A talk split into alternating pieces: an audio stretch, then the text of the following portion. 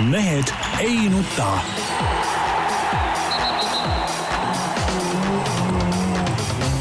mehed ei nuta. selle eest, et mehed ei nutaks, kannab hoolt Unibet, mängijatelt mängijatele. tere teisipäeva, Mehed ei nuta taas eetris siin Delfi suurepärases stuudios. Tarmo Paju eh, Delfist istub siin minu vastas laua taga. vastab tõele, tervist. Jaan Martinson Eesti Päevalehest, Delfist ja igalt poolt istub ka siin, aga Peep Pahv Eesti Päevalehest ja Delfist on jällegi Tallinnast jalga lasknud. ja kus metsade vahel sa nüüd siis oled, Peebukene? no tähendab, nagu sa Jaan tead, ega Tallinnas ükski normaalne inimene tegelikult ei tahagi olla ja, ja linnaelu ei taha mitte keegi, keegi, keegi normaalne inimene elada, aga praegult ma ei ole isegi metsade vahel, vaid ma olen sellises suurepärases asulas nagu Kadrina ja, ja, ja pean siin poistega järjekordset korvpallilaagrit. ei, Kadrinas on muidugi väga vägevad tingimused, ma mäletan kunagi meil oli, pidasime seal pesapallilaagreid ja tõesti väga hea koht on. siin on spordisaal, selline vana, vanakooli spordisaal ja hostel, et, et põhimõtteliselt õue ei pea minemagi, et saab toas ketsid jalga tõmmata, minna saali ja hakata möllama, et, Kas... et selles suhtes on tingimused tõesti head. kas, kas teras ikka karastub? küll ta, küll ta karastub ära sellest muretse. kuidas teil on, ujula on ka seal veel alles või? ujula on alles, aga ujula pannakse käima alles oktoobrist, kui hakkab kütteperiood. meil oli väga hea, sest meil oli privaatujula, keegi teine seal ujumas ei käinud ja, ja kusjuures seal oli kolhoosi söökla oli ka jube hea. seal olid ikka niisugused rammusad toidud ja see piim oli tõesti nii rasvane, et põhimõtteliselt ei tahtnud klaasist väljagi tulla. nõukaajal. piim on üks jäledamaid jooke maailmas, sa tead seda, Jaan, et see ei kõlba kuhugi. ei, sooja piima lüpsivärsket piima. udara no, seest just tulnud. ära jama nüüd, Jaan. ei, jube, jube hea. see on ainuke versioon piimast, mis mulle natukenegi on meeldinud, ma mäletan lapsena, aga muidu mulle piim iseenesest ei meeldi üldse. ei, see lehmapiim on hea küll, aga enne võiks ära jahutada siis. ei, ei, ei, lüpsisoe piim no siin me tõde ei leia, jah ja.. Peep, kuidas sul päevitusega lood on? päevitusega? jah. no mis sa siin päevitad, vihma kallab nagu oavarrest. õigemini no. eile kallas, täna veel, veel ei kalla, aga päevas on selline, et, et hakkab kohe kallama ja vaatasin ilmateate järgi ka, kohe-kohe vihmased hakkavad. aga kui siin poliitteemadele sujuvalt üle minna, siis äh, ma loodan, et sa eelmine nädal nägid ikka legendaarset intervjuud Juhan Partsiga, kus äh, mees oli päevitunud ja andis ka niisuguse hea valemi kõikidele eestlastele, et tuleb ikkagi rõõmsa näoga ringi käia, vaadata päikest ja, ja siis see päevitus tulebki. silm lausa puhkas, kas pole, Juhan, meie vana sõber? Ma intervjuud muidugi ei näinud, esimest korda kuulen niisugusest asjast, aga aga põhimõtteliselt on tal ju õigus, muidugi. tuleb rõõmsa näoga ringi käia, see on absoluutne tõde. ja, ja nägu päikese poole alati. jah, aga miks ka mitte, noh. no ma ikka soovitan teil vaadata seda videot, no nii hea meel on kohe Juhani pärast kuigi tahaks küll luba, kõiki neid lubadusi saada, mida ta lubas enne valimisi seal kassaleti juures, mäletad? tervele perele kusjuures. miks see võiks, miks see võiks olla nagu mehel nagu hea olla?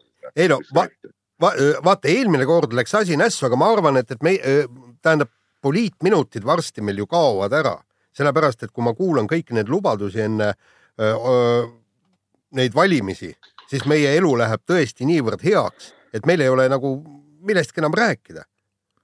no mina jälle igatsen nagu Juhani järele selles mõttes, et tema oli vaata konkreetne mees, ta läks sinna poodi, seal olid see perekond oli lastega seal ja vanainimene, vaata kõigile ta lubas mingeid summasid seal. Praegu ma täna sõitsin töö juurde läbi Laagna tee ja seal on plakatid loomulikult sildade peal kõik juba olemas, sa Jaan tulid sama, sama ja, kaudu, eks just. ole, seal Keskerakonna ja, ja selle Savisaare uue nimekirja plakatid peamiselt on siis üleval, aga siuksed abstraktsed väljendid kõik, et ma ei tea, meie teeme ja ja mis see Savisaar lubas seal, et julgen, julgen, julgen öelda, julgen teha ja, ja mingid siuksed asjad. Juhan oli nagu konkreetne mees ikka. Ja, ja näed nüüd päevitab ilusti seal, vaatab rõõmsalt päikesesse Luksemburgis no see on väga mõnus koht muidugi päevitamiseks Luksemburg, kuskil Euroopa südames. Nii, aga aitab nüüd sellest poliitikast, räägime asjast. Ja alustame ralliga. Ja äh, Ott Tänak siis äh, Saksamaa MM-ralli võitis, asfaltil oli ootamatult äh, kiire. Ja no ikka näitas, et mees kuulub absoluutsesse tippu, kui me tõesti nüüd hakkaksime välja valima need kolme-nelja maailma parimat äh, rallipiloote on kindlasti Ott Tänak äh, nende seas. Peep, äh, said ise Otiga eile rääkida, et, et vend oli vist ikkagi väga rahul selle võiduga. no rahul on üks asi, teine asi see, et ta oli ka sihuke nagu enesekindel, et ega ta nüüd mingit niisugust imenumbrit sellest võidust ei teinud ja, ja ka sellest mitte, ta ütles muidugi, et see aastane võit oli nagu, nagu tähtis, aga, aga, aga et noh, see ei ole nagu nii, et, et asfaldi peal ei oleks nagu võimalik sõita või, või, või, või ei saaks seal hakkama, et kui on nagu enesekindlus, hea autotunnetus, et noh, siis võib sõita nii kruusal kui asfaldil, et seal nagu, nagu selles suhtes mingit, mingit probleemi ei ole, kuigi see sõidustiil pidi olema ikkagi täiesti täiesti erinev, no seda, noh, see ei ole ka mingi uudis loomulikult. aga samas ütles ta ka selle lause minu arust välja selles sinu, sinu enda loos, et ja selles sinu intervjuus, et millest meil oli juttu ka siin paar päeva tagasi, kui me, kui me Delfi rallistuudiot tegime, et et mingiski mõttes oli see võit Saksamaal mulle tundub ka tema jaoks olulisem ja märgilisem kui, kui tema esimene võit Sardiinias just sellel samal põhjusel, et see andis temale selle kinnituse ilmselt sisemises ka et ta on suuteline asfaldil võitma ja, ja seega on ta suuteline tule, tulevikus maailmameistritiitli pärast võitlema.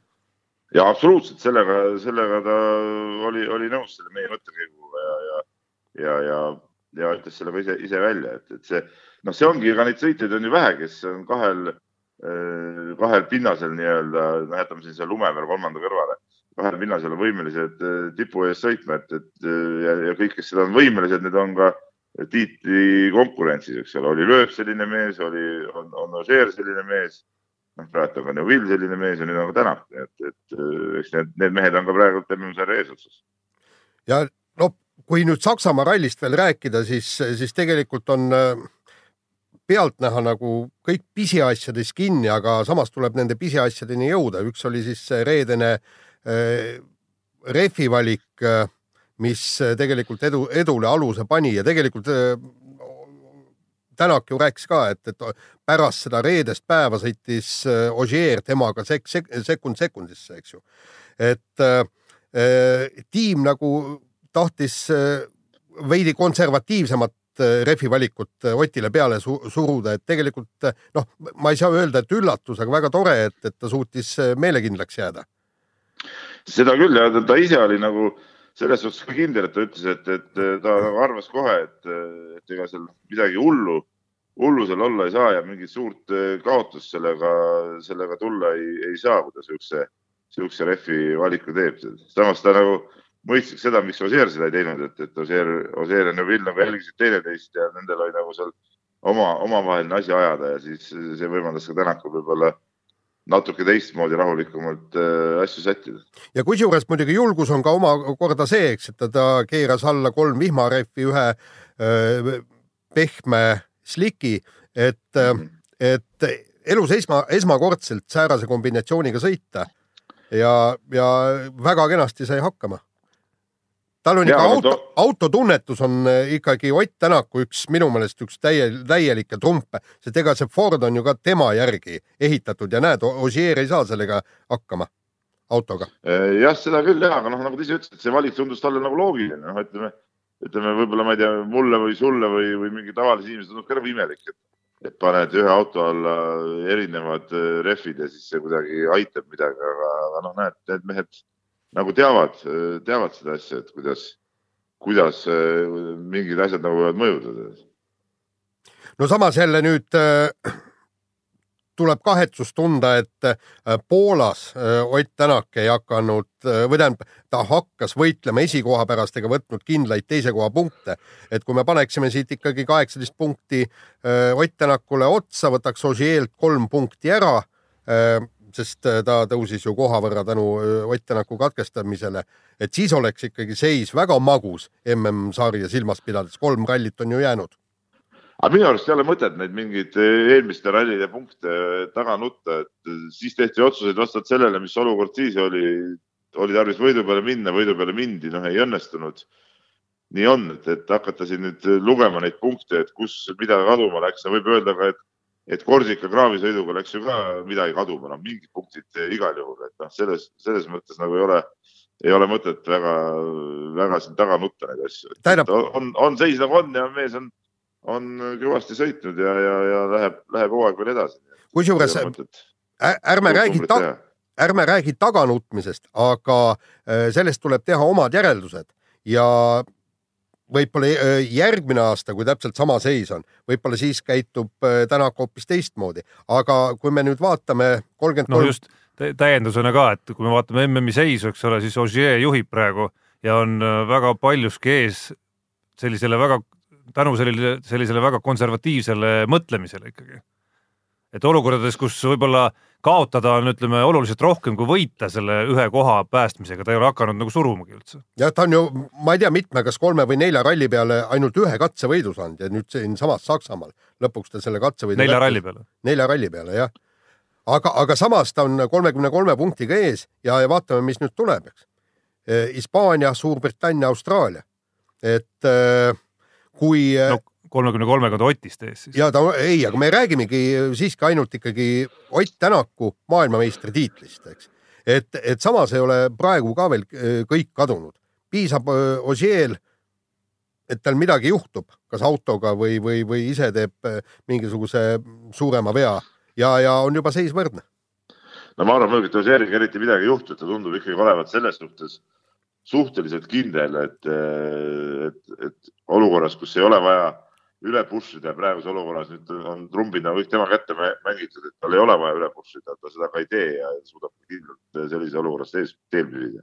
no ja, aga näed, Saksamaal ei suutnud, tegi ikkagi spinni ära ja, ja sinna, sinna ta kaotas umbes kakskümmend sekundit ja, ja seda küll, aga ta võttis kolmanda koha punktid ära ja ja sellest, sellest talle piisas praegu.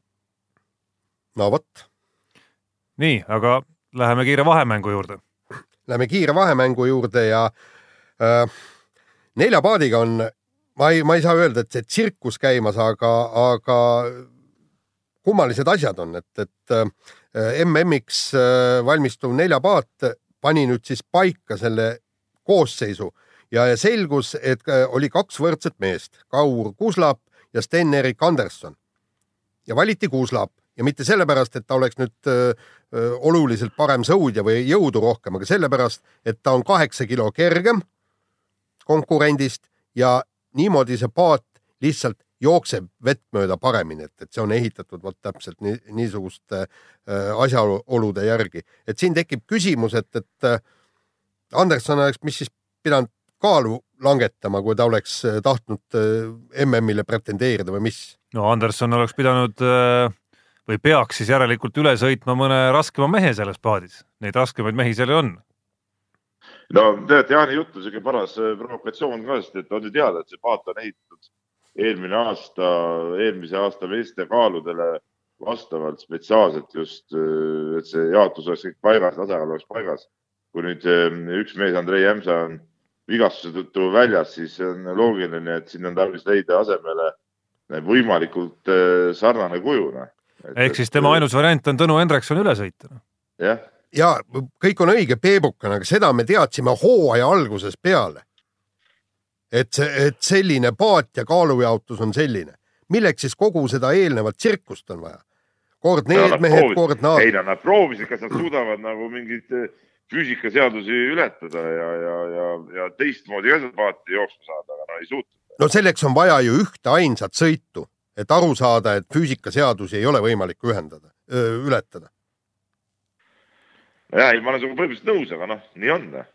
nii et, et siin selles suhtes see praegune valik on nagu, nagu igati loogiline, see, mis varem tehti, see on, see on nagu omaette teema, aga see praegune valik on täitsa. nii, aga vahetame teemat ja äh, avaldame suurt kaastunnet Eesti Olümpiakomiteele, tundub, et nüüd vist ma ei tea, kas kassas on veel raha või ei ole pärast seda, kui Eesti vehklejaid tuli premeerida kokku saja kuuekümne kahe tuhande euroga. Ütleb... see on vanas rahas kolm miljonit peaaegu. No ütleme niimoodi, et, et nii palju, kui mul nüüd. ei, nii palju ei ole. no peaaegu on. no, no kaks pool. nii, aga nii palju, kui mul meeles on, kultuuriministeerium eraldab iga aasta premeerimiseks kakssada tuhat EOK-le. nii ja, ja nüüd sealt on, ma kunagi kirjutasin sellest artikli, et aga mis siis nüüd juhtub, kui täna Eiki Nabi tuleb maailmameistriks, homme tuleb Epp Mäe maailmameistriks, kui Neljapaat tuleb maailmameistriks, mis siis nemad ei saagi pappi või, või kuskohast see raha siis tuleb, ma ei ette. Jaan, laske taas mingisse ulme valdkonna millest, see on, see on ka siuke jutt, et kui see ja toome teisendab maailmameistriks, no ega nad ei, ei ole ju kuskilt tulnud maailmameistriteks, nii et tuleb, praegu vaatame sellises, sellist seisu, et, esialgu veel raha on ju mingi, mingisuguseks äh, väljamakseks, et päris kakssada tuhat kulutatud ei ole.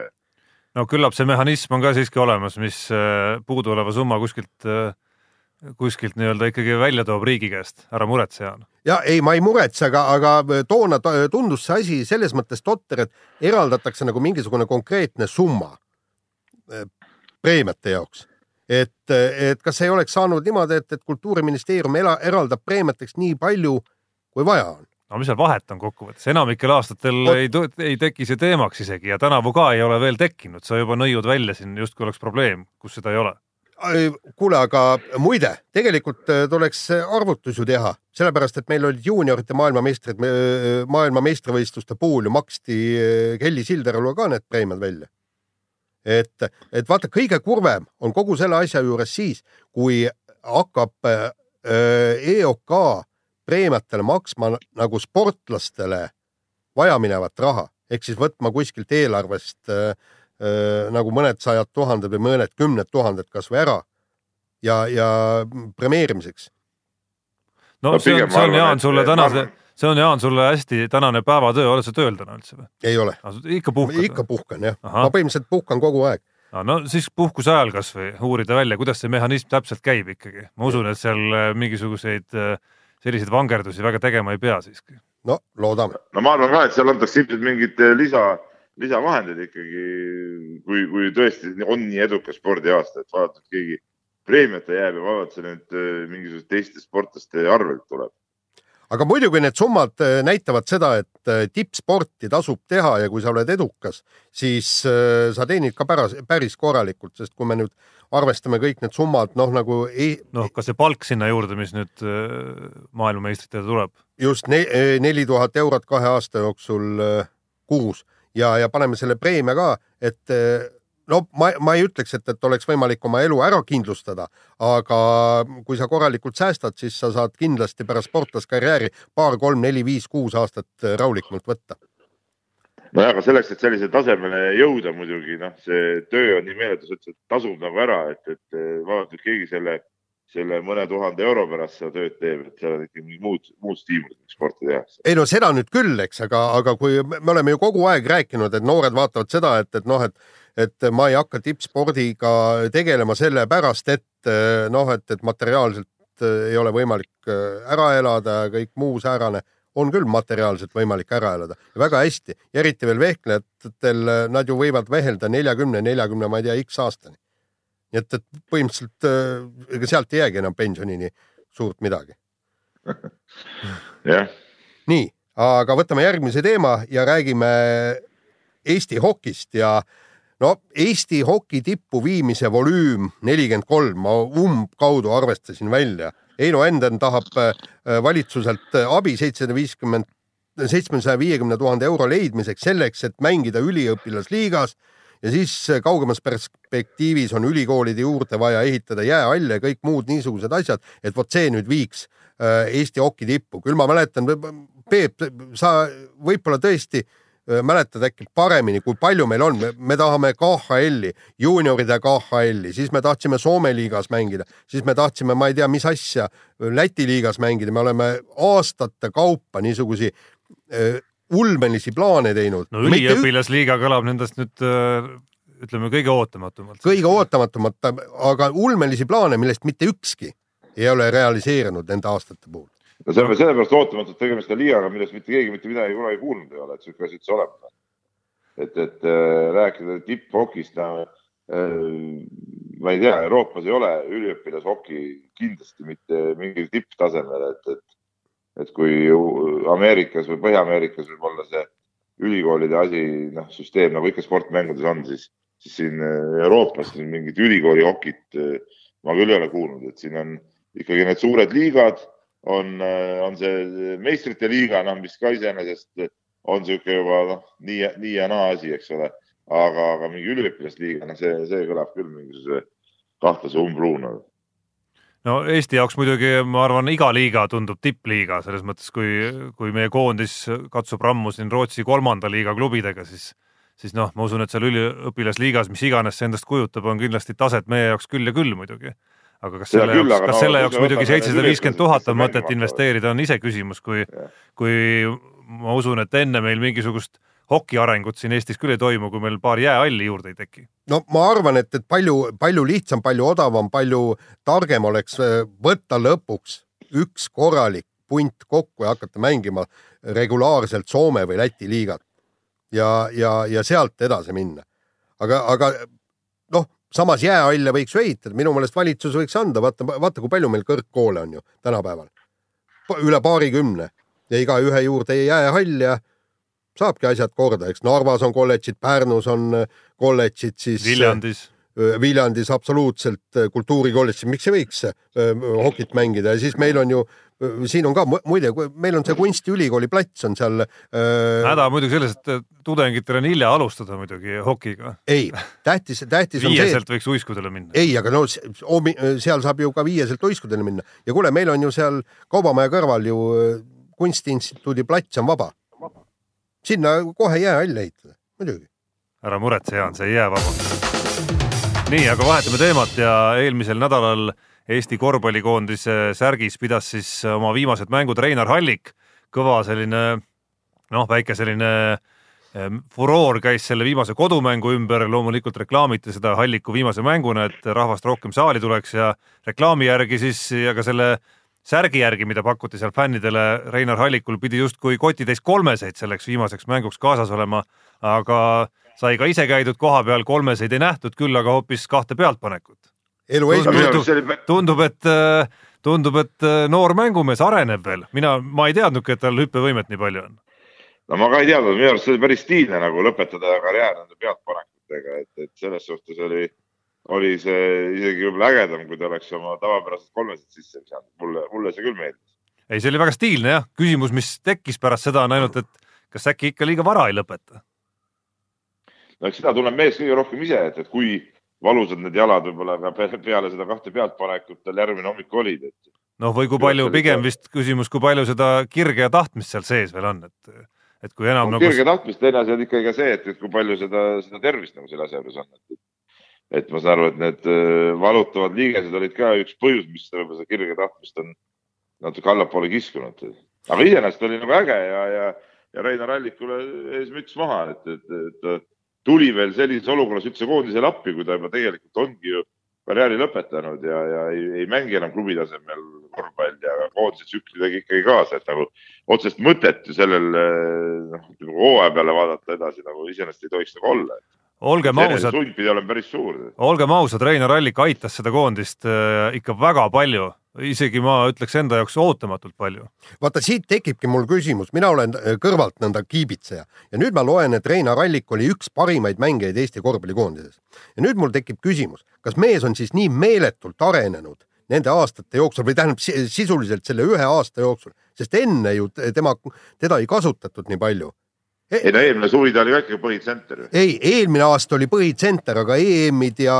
no ja seal, edasi, seal noh. varasematel valikturniiridel on ta ka mänginud teatud hetkedel ikkagi päris teatud tähtsat hetk- rolli. jah, teatud hetkedel päris tähtsat, aga siin oli kogu tsüklis oli ta üks parimaid et kas võib-olla see on põhjus, et, et teda ei osatud äh, sedavõrd hästi ära kasutada, nüüd lihtsalt oli vaja teda kasutada. no aga see on põhjus, et mingitel perioodidel oli meil seltskond olemas, kus sul oli väljakule panna lisaks Kangurile, Taltsile veel Joosep Toome näiteks ja sul oli ka Siim-Sander Vene seal kõrval, et, et see on hoopis teistsugune eesliin kohe. no eesliin küll, aga tema ju neelab oma kolmestega. no enne ta mängib ikkagi eesliini positsioonil ja no Jaan, ta ei ole ju tagamängija, see, et ta väljast viskab sisse pallid, ei tee tast tagamängijat veel. selge, selge on see, et aga olgem ausad, et, et see korvpallikoondise koosseis praegune sel aastal võib-olla näiteks eelmisel aastal, no ei olnud päris see, mis on meil nagu tippaegadel. noh. ei väga tore. ega Tiit Sokk ilmaasjata ei oleks Jaan teda nii-öelda ära rääkinud, et tule ikka aitama, kui, kui teda hädasti tarvis ei oleks Abi- olnud. teda, tarvis, teda kolme minuti meheks ei oleks Tiit Sokul olnud mõtet ju ära rääkida. ei vä, väga tore, aga ma lihtsalt äh, arvan, et, et ka eelnevatel aastatel oleks allikut saanud paremini kasutada, aga see selleks, võtame viimase teema ja äh, taimetoitlasest ultrasportlane Rait Ratassepp äh, praegu äh, sõidab äh, Šveitsis siis kümnekordset triatloni või, või osaleb kümnekordsel triatloni, mis on täitsa hullumeelne ettevõtmine. Ja tema noh, nagu öeldud, on taimetoitlane, aga nüüd selgub, et keset rattasõitu äh, toodi talle salaamipitsat ja see läks väga hästi peale. vend ütles, et, et mul on suva, mida söön, praegu läheb kõik. ja kusjuures ma arvutist vaikselt jälgin tema edenemist, et ta on praegu kuskil äh, kümnest mehest kas üheksas või kaheksas või kuskil seal, hakkab äh, oma rattasõitu lõpetama tuhat kaheksasada kilomeetrit jalgrattasõitu. aga tal ei lähe siis hästi, ma saan aru, jah? No ma. plaanide järgi ma mõtlen, kui no, sa ütled üheksas või kaheksas. ja tundub küll, aga ma ei oska siin tõesti öelda, võib-olla ta on jo jooksus eriti kõva või, või mis või kuidas, et ootame selle, selle lõpuni, aga, aga kujutage ette, tuhat kaheksasada kilomeetrit jalgrattaga, see on eh, siit Tallinnast Moskvasse tagasi vist umbes. no enam-vähem jah no aga hea selle asja juures on see, et eh, äkki mees saab mingist totrast taimetoitlusest eh, üle ja hakkab nagu normaalset sööki sööma kusjuures, kusjuures ma võin öelda, Rait, kui ma ei tea, kas ta distantsi ajal äh, on tal kõrvas ka midagi või vaikuses kimab seal seda tuhat kaheksasadat, et vot seda ei tea, jah. et äh, kui sa kuulad meid, et kui sa, kui ta midagi kuulab, siis kindlasti meid, siis, siis ega see salaamipitsa, see ei olegi mingi suvaasi, see ongi päris hea asi tegelikult.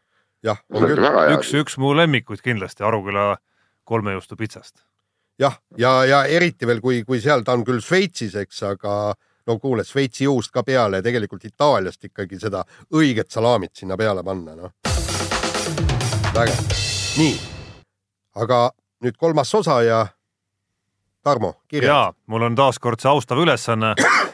Peep saab hinnata pärast, kuidas ma hakkama sain tema kohatäitmisega kirjade rubriigi eestvedamisel ja kirju on tulnud äh, siiralt väga palju jälle men.delfi.ee on siis meie meiliaadress ja Facebookis äh, saab meile samamoodi kirjutada ja saatesse küsimusi saata. ja äh, Tamm Tamm, meie vana kirjasõber, on kirjutanud meile, esiteks ta kommenteerib eelmise saate kohta, kus Jaan siis pisut üllatas siin saate algul Tamm Tammi sõnul vähe segaselt siis jutuga selle kohta, et Prantsusmaal ja Saksamaal ei või lipuga tänaval vehkida.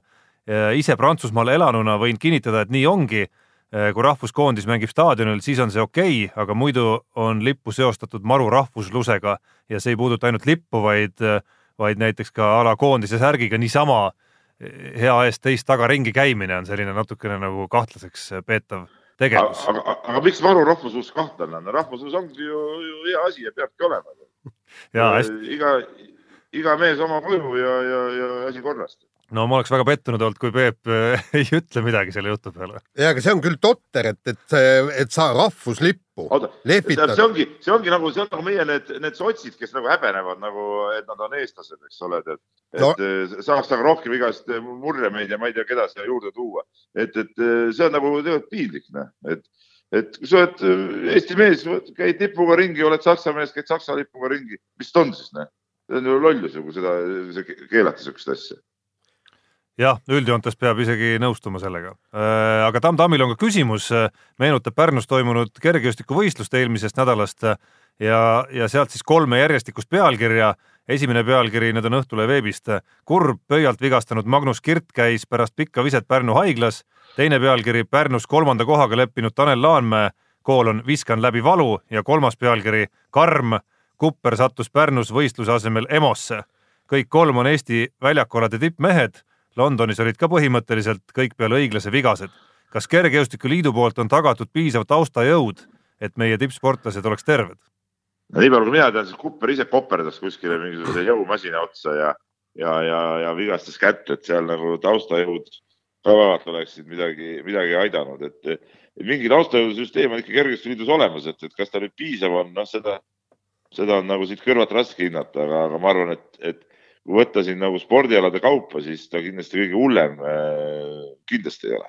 no samas on seal äh, hulgaliselt probleeme, ma aasta-kaks tagasi kergejõustikuliidu presidendi Erik Teegapeaga rääkisin ja, ja no oleks ju maailma kõige lihtsam idee, et äh, sportlased ehk siis Eesti koondis treenib laagrites kõik ühes kohas ühel ajal ja seal on siis, siis ei ole probleemi, sinna saab tuua arstid, massöörid, füsioterapeudid, toitumisnõustaja kasvõi noh, mingiks ajahetkeks aga ainukene asi on see, et, et sportlased ei saa ühel ajal ühte kohta kokku tulla. no enam e-, eriti veel, ma ei tea, seitsmeks-kaheksaks kuuks aastas.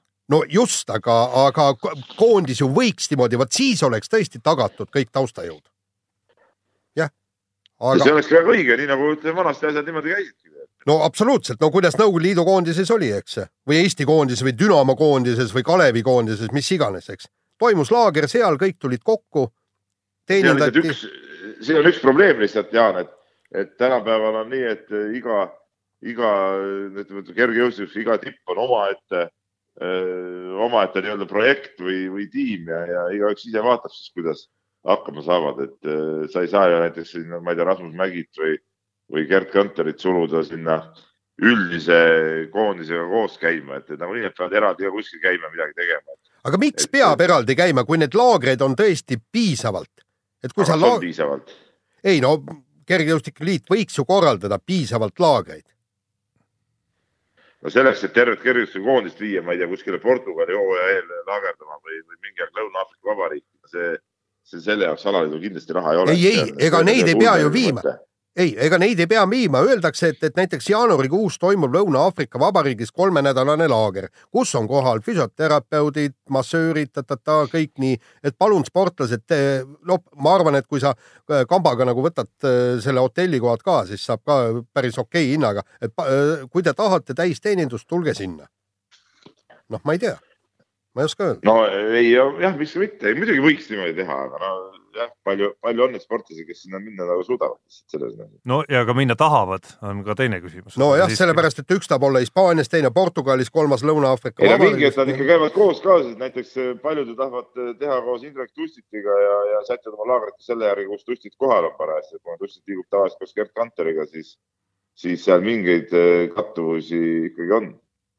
nii, aga meile on kirjutanud Mati, kes tunneb muret meie lemmikala korvpalli pärast, mis on saamas järjekordset tagasilööki, sest rahvuskoondised vist lakkavad tema sõnul eksisteerimast ja peab ta siis silmas seda, et kui algul no ütleme senini ongi lubatud siis igas koondises üks selline nii-öelda legionär, mees, kes on hiljem saanud selle riigi kodakondsuse noh, algselt on siis mõeldud selleks, et oma riigi pojad, kes segastel asjaoludel võib-olla on sündinud mujal, saaksid koondisse, aga aga seda on kasutama hakatud ka selleks, et lihtsalt värvata endale ameeriklane näiteks meeskonda, nagu oli mõlemal Eesti alagrupi vastaselgi.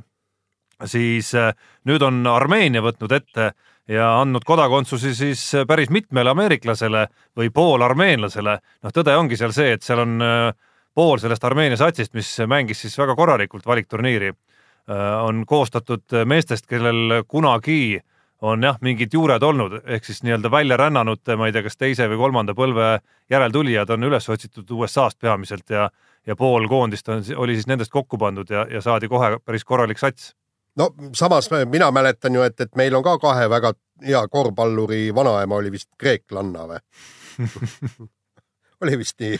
vastab tõele, vastab tõele, Jaan, aga iseenesest see on muidugi täielik totrus, noh, et siukseid asju tehakse, et selliseid asju üldse lubatakse, et eh, noh, see ei ole ju mingi koondis enam, kui lihtsalt ostetakse neid lende niimoodi kokku.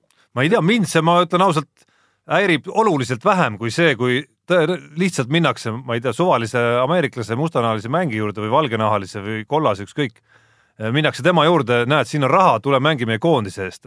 et Ei, no noh, see on- kui sa see- võtad selles Eesti on saalijoki nõus, koondis jaa, näiteks, sealgi on väliseestlasi, välis, ütleme Rootsi läinud eestlaste järeltulijaid näiteks ju väga palju, onju. noh, selline oma kodunäide näiteks meie enda poolt ja ma ütlen ausalt, mind see nagu no, jätab oluliselt külmemaks kui see, mis toimub nagu nii-öelda klassikalise värbamisena. ei, selles suhtes ma olen nõus, loomulikult see ameeriklaste sissevõtmine, see on, see on, see on täielik totrus ja, ja, ja sihuke asi tuleks tegelikult üldse ära, ära keelata. aga, aga mis puudutab neid, võtame jah, seesama saali, ükskord sinuga rääkisime sellest, see saalihoki eh, koondise teema Eestis ja, ja nüüd need, need nii-öelda, ma ei tea, mitu põlve armeenlased kuskil Ameerikas.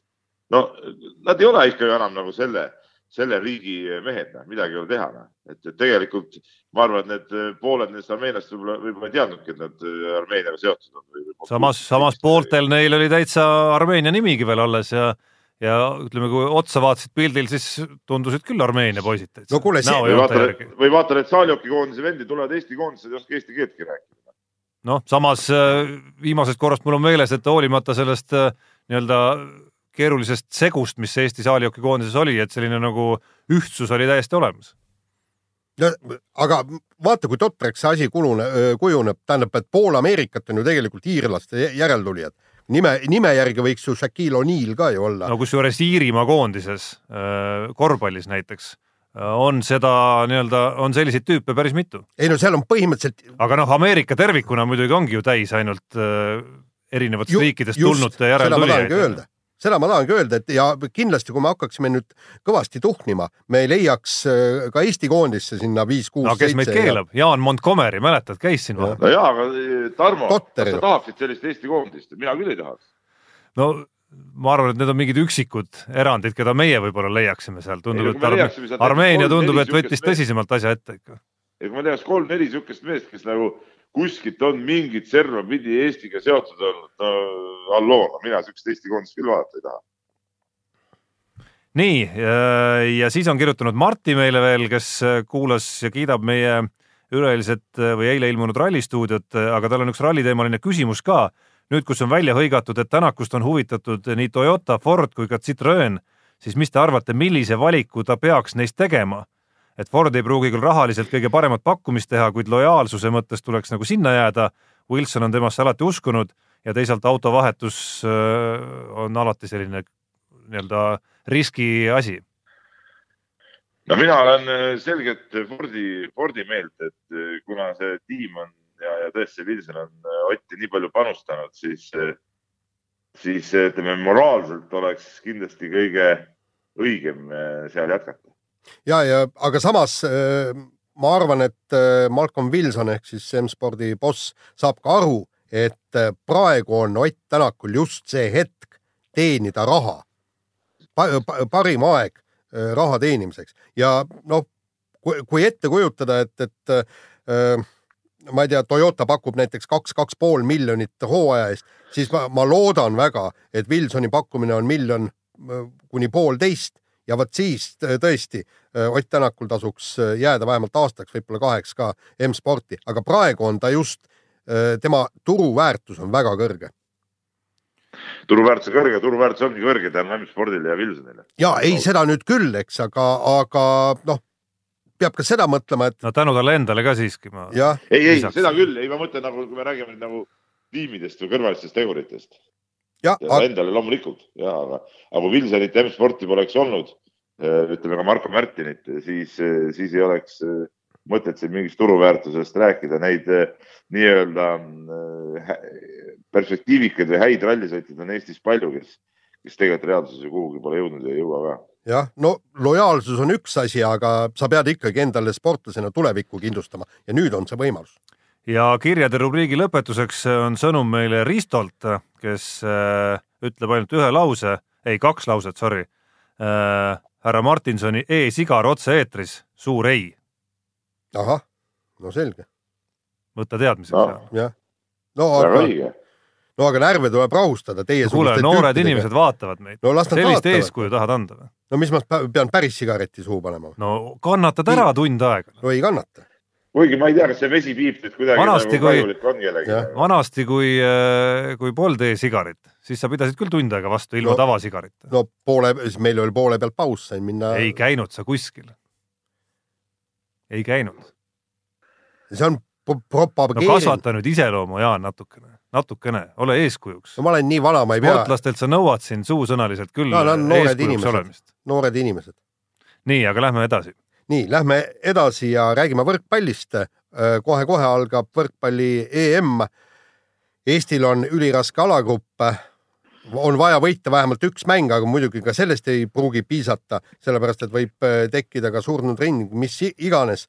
et äh, kuidas Eestil läheb, nagu äh, selgub, esimene mäng äh, Soomega ongi nii-öelda võtmekohtumine. et see tuleb igal juhul võita, sest noh, Serbiat ja Poolat äh, alistada, noh vist ainult äh, hullumeelsed äh, usuvad sellesse noh, kuigi mängitud on nendega ka ja mitte halvasti. ja Poolat on ka võidetud. no Poolat võideti siis, kui nad ei olnud ikkagi nii kõvad kui praegu. no ütleme niimoodi, nad olid ju MM-i hõbedad tol ajal ka. no praegu nad vist valitsevad maailmameistrid. no just, noh, jah. aga ei no selge ja, ja ja me mängime Poolas ära, seda ka unusta. No siis ongi, neil on jalad nõrgad, eks noh, nad peavad võitma selle mängu ja, ja siis väristavad ära äkki. ei, selge, ühesõnaga Eesti-Soome on võtmekohtumine, et äh, ja see on esimene mäng kohe, kui ma ei eksi. kohe esimene mäng jah, et selles mõttes ka natukene valus, et äh, ja, ja eks soomlased teavad ka ju, et, et Eestit tuleb võita, et see läheb vist ilmselt närvide mänguks ja ma, ma miskipärast äh, väga loodan, et äh, Eesti ei saa ei null kolm ega üks kolm, vaid äh, vähemalt viiendasse game'i läheb see asi kindlasti välja. no ma tahaks loota, et Eesti võrkpallikoondis on äh, selles suhtes natuke ka edasi nüüd läinud, et, et me ei ole enam sel tasemel, kuigi see hooaeg on seda ka näidanud, et me alustame tugevate vastu hästi, võidame ühe või isegi mäletame eelmisel EM-il Serbia vastu kaks game'i ja siis ikkagi mingi hetk äh, murdume ja anname ära, et, et seal ütleme, ma tõmbaks paralleeli isegi Anett Kontaveidi ja Eesti võrkpallikoondise vahel, et, et äh, natuke sarnane käekiri on neil, et nad alati alustavad hästi, aga lõpuks läheb ikkagi nii, nagu, nagu pidi minema noh, et ei suuda hoida seda nii-öelda taset lõpuni, mida vastane noh, suudab tõsta isegi siis enda vaatenurgast. kusjuures mängud on ju väga sarnased ka, et sul on vaja noh, nii-öelda sette võita ikkagi kogu aeg, on ju, et sa ei saa ja oodata, oodata, et mänguaeg kuidagi su eduseisus ära tiksuks, aga noh, lõpuks on ikkagi, lõpuks ei ole minu arust hetkel põhjust siin väga peale selle Soome mängu küll millelegi mõelda. Ja no mis seal salata, et kui realist olla, siis tuleb ka tõdeda, et pigem on soosik selles mängus Soome ikkagi.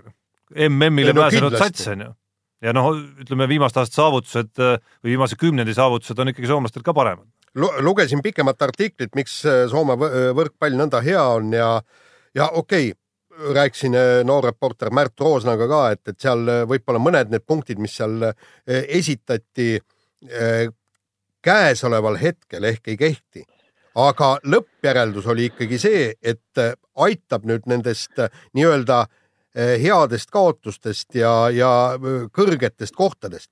ühel hetkel peab Soome võrkpall hakkama mõtlema sellele, kuidas võita medal EM-ilt. et ühesõnaga, nemad on jõudnud juba sellisele tasemele, et, et vaikselt unes näevad medalit, kuigi nad on ju EM-il neljandaks ka tulnud aastaid tagasi. No üks suur küsimus, mida ma nagu Eesti võrkpallikoondise seisukohalt näen, on, meil on olnud nagu tohutult pikk suvi, on ju.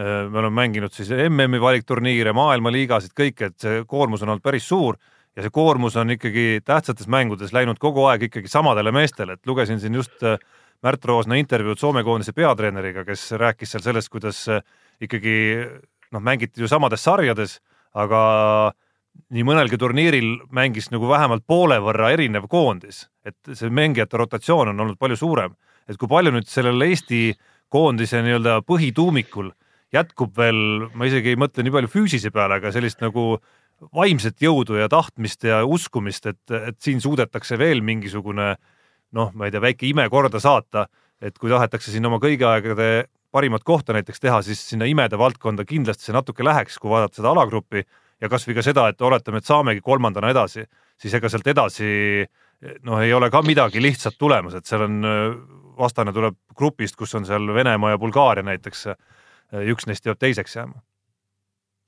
ei no selles suhtes see ongi võtmeküsimus muidugi, mis sa, Tarmo, välja tõid, kuidas need äh, vendade vaim just vastu peab sellele pikale suvele, aga, aga selge on see, et erinevalt Soomest on meil ikkagi see pink nii-öelda on lühem ja, ja, ja kui me neid suuri sarju kõiki mängisime, siis ilmselt Eestil ikkagi ei olnud äh, võimalust nii palju selle koosseisuga varieerida kui soomlastel, et see on nagu parat-, paratamatu. kusjuures ma leian siin ikkagi, et EM oli kahest võistlusest ehk siis MM valikturniiriga võrreldes vähem tähtsam.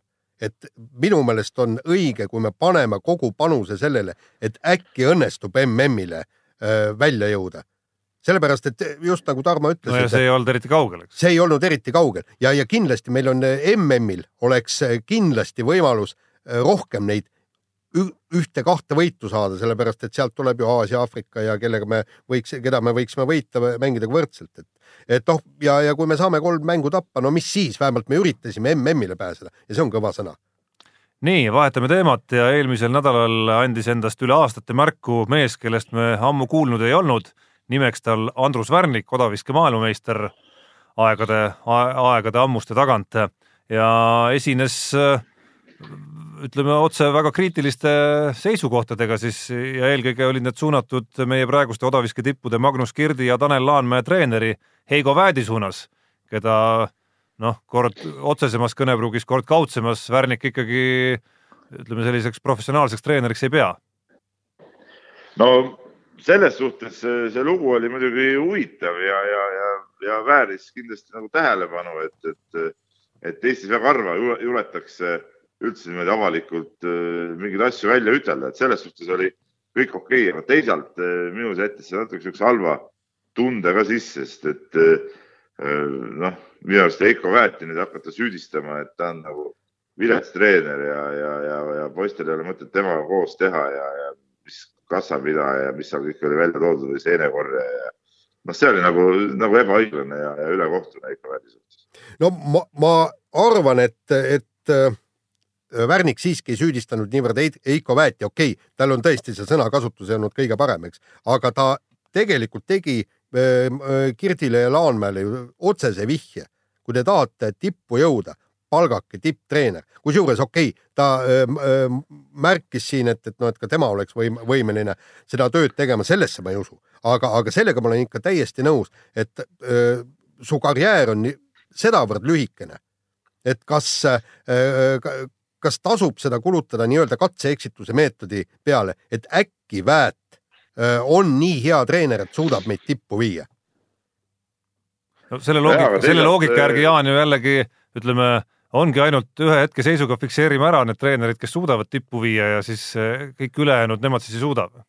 no, no ütleme nüüd et niimoodi, ärme annagi võimalust tõestada ühelegi nagu uuele tulijale treenerite osas. no kas Heiko Väät on näidanud se senise tööga, et, et ta on võimeline öö, meie odaviskajaid tippu viima, see on täpselt No see no Magnus Kirdi arengu kohta ei saa nüüd küll väga paha sõna öelda. Et tal, tal ei ole ju varem ka siukseid eh, õpilasi olnud, kellega üldse nii tippu minna, et ta on siiamaani olnud ikkagi Audentese noortetreener ju põhimõtteliselt. no see- siin ma toon noh, ütleme he- heaks näiteks ju Gerd Kanter, kes ühel hetkel öö, loobus oma treeneriteenetest ja hakkas ko koostööd tegema Hafteinsoniga ja, ja mis on tulemuseks? No ütleme selle Andrus Värniku loo osas äh, minu arust nagu kaks tunnet, et üks on seesama nagu, et ega ta nüüd nii-öelda ilusti ei öelnud ja, ja minu arust natuke jäi ka sellisest enesekriitikast puudu seal, võib-olla oleks võinud äh, ütleme, Märt seal küsida ka natukene kriitilisemalt tema enda kohta seal, kui ta rääkis sellest, kuidas ta käis abis ja siis mis põhjustel see asi ikka katki läks, katki jäi ja nii edasi. ei ta küsis, aga ta ei saanud vastust. no just, et see, see, see pool jäi natukene nagu noh, ütleme inimestele, kes neid taustu võib-olla nii palju ei tea ja ei tunne, et et no Värnik ise on väga sile ja puhas poiss, eks ole, ja nii-öelda puhta lehena räägib seda kõike, aga teine osa, see kriitika ju põhiline teravik tegelikult, mis äh, Andrus Värniku suust tuli, läks ju mitte niivõrd ütleme siis Kirdi nii-öelda viskama panemise kohta, vaid pigem sellel nagu tiitlivõistlustel käitumise ja mõtlemise kohta seal oli see põhiline minu arust asi, kus ta kiitis siis oma omaaegset treenerit Heino Puustet, kellega koos eh, sündisid tema suuremad võidud ja kritiseeris siis nagu meie meeste olekut seal eh, Londonis siis. et eh, Kirdi puhul siis seda, et kuidagi õhkus nii treenerist kui Kirdist endast nagu liigset rahulolu siis sinna lõppvõistlusele pääsuga. ja, ja seal, seal võib mingit, siis oledki rahul sellega. Jaa, noh. nojah, aga ütleme, et ta ei suutnud nagu sama fookusega enam äh, lõppvõistlusele minna, eks ole, vähemalt tulemus seda näitas. no siin oli ikkagi see, et juba see lõppvõistlusele pääs, pääsemine oli suur samm edasi, kuna teadupärast siiamaani oli ju mitu-mitu tiitlivõistlust käinud äh, läbi äh, Kirt, aga polnud kordagi edasi saanud kvalifikatsioonist ja nüüd ta vähemalt äh, selle sammu ja see oli ikkagi päris pikk samm minu arust, esimesel katsel visata ennast lõppvõistlusele, selle sammu tegi ära, et, et selles suhtes tahta nüüd ühelt äh, tiitlivõistlusest seda, et ta jõuaks esimest korda lõppvõistlusele ja seal kohe oleks mingis suures äh, mängus sees, seda, seda võib-olla natuke palju tahta. Peep, me, me ei räägi suurest mängust, me räägime, et, et kui me vaatame viimas, viimaste kuude tulemusi, siis MM-i lõppvõistlusel ta tõi, Kirt tegi ju kõige kehvema võistluse. nüüd tuleb Pärnusse, paugutab jälle kaheksakümmend viis kopikatega. no vot seda, seda, seda viset oleks vaja olnud.. Jaan, kui me vaatame võitja Vetteri tulemusi, siis ega ta ka ei visanud ju MM-il oma hooaja parimat, et ta viskas varem üheksakümmend seal äh, neli, eks ole, üheksakümmend kolm, üheksakümmend neli, viskas MM-i võidu tulemus oli kaheksakümmend üheksa, nüüd viskas taas jälle üle üheksakümne kõvasti. et, et eh, nii lihtsalt ongi. no tema puhul mängib tulemus, tema puhul mängib tulemus, ta võidab enne, võitis enne, võitis ajal ja võitis pärast, no päris nii nüüd ei ole, et ta kogu aeg võidab, et seal on ikka teised mehed on ka tasemel ja, ja ütleme, see MM-i esikolmik oli ju, ju meetrite poolest ikkagi suhteliselt tihedas äh, seisus. tema võib endale seda lubada, et, et viskab äh, kolm meetrit vähem ja võidab kulla. aga Kirt ei saa endale seda lubada.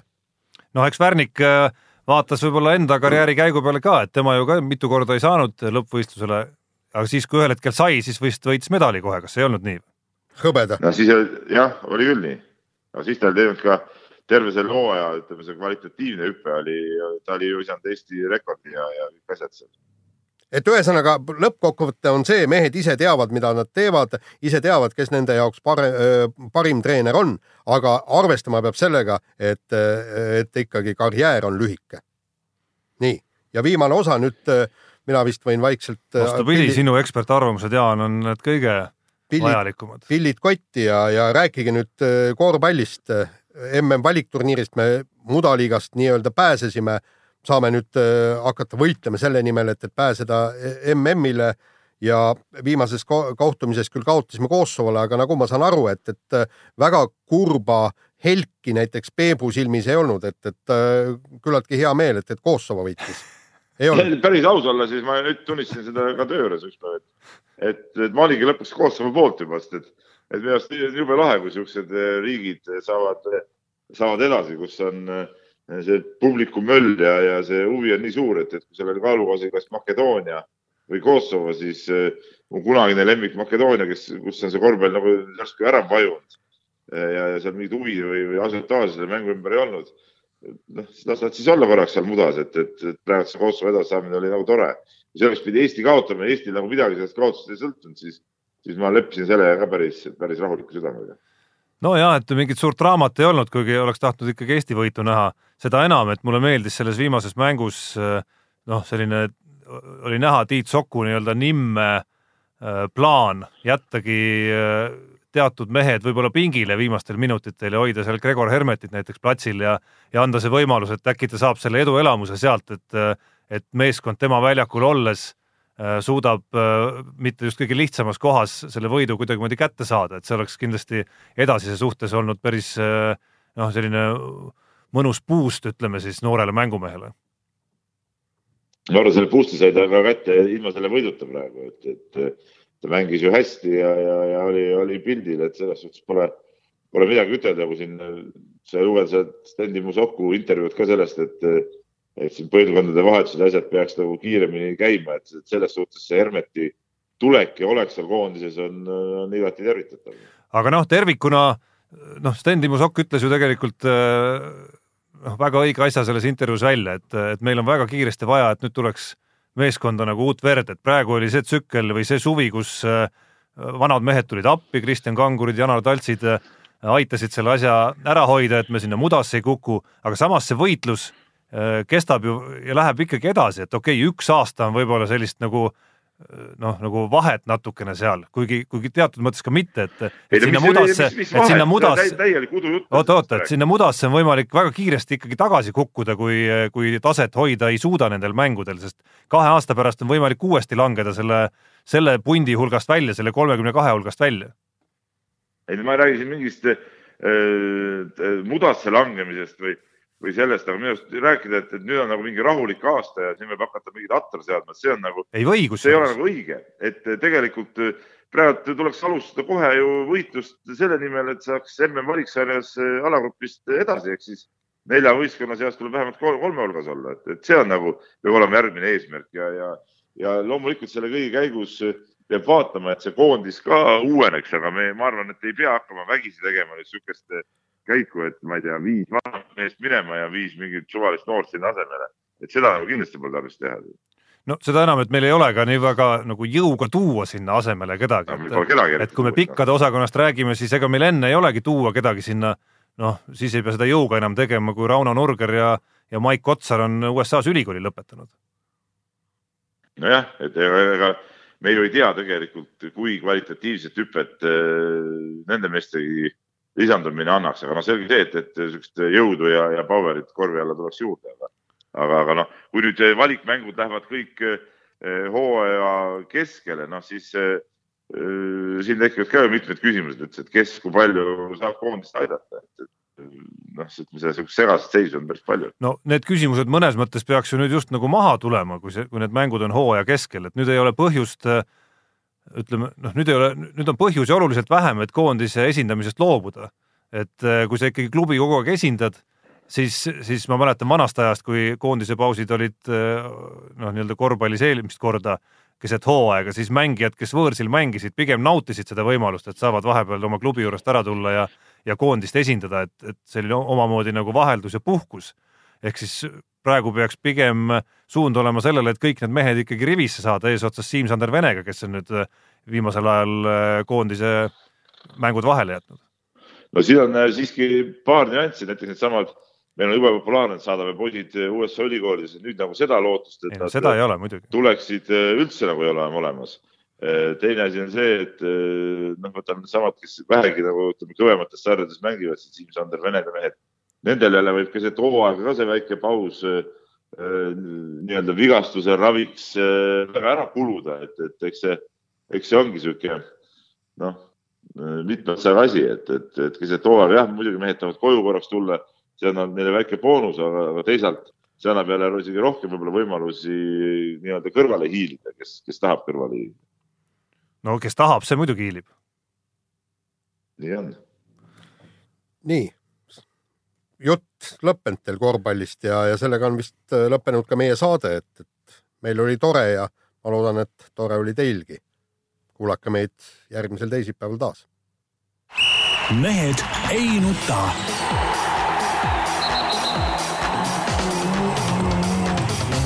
mehed ei nuta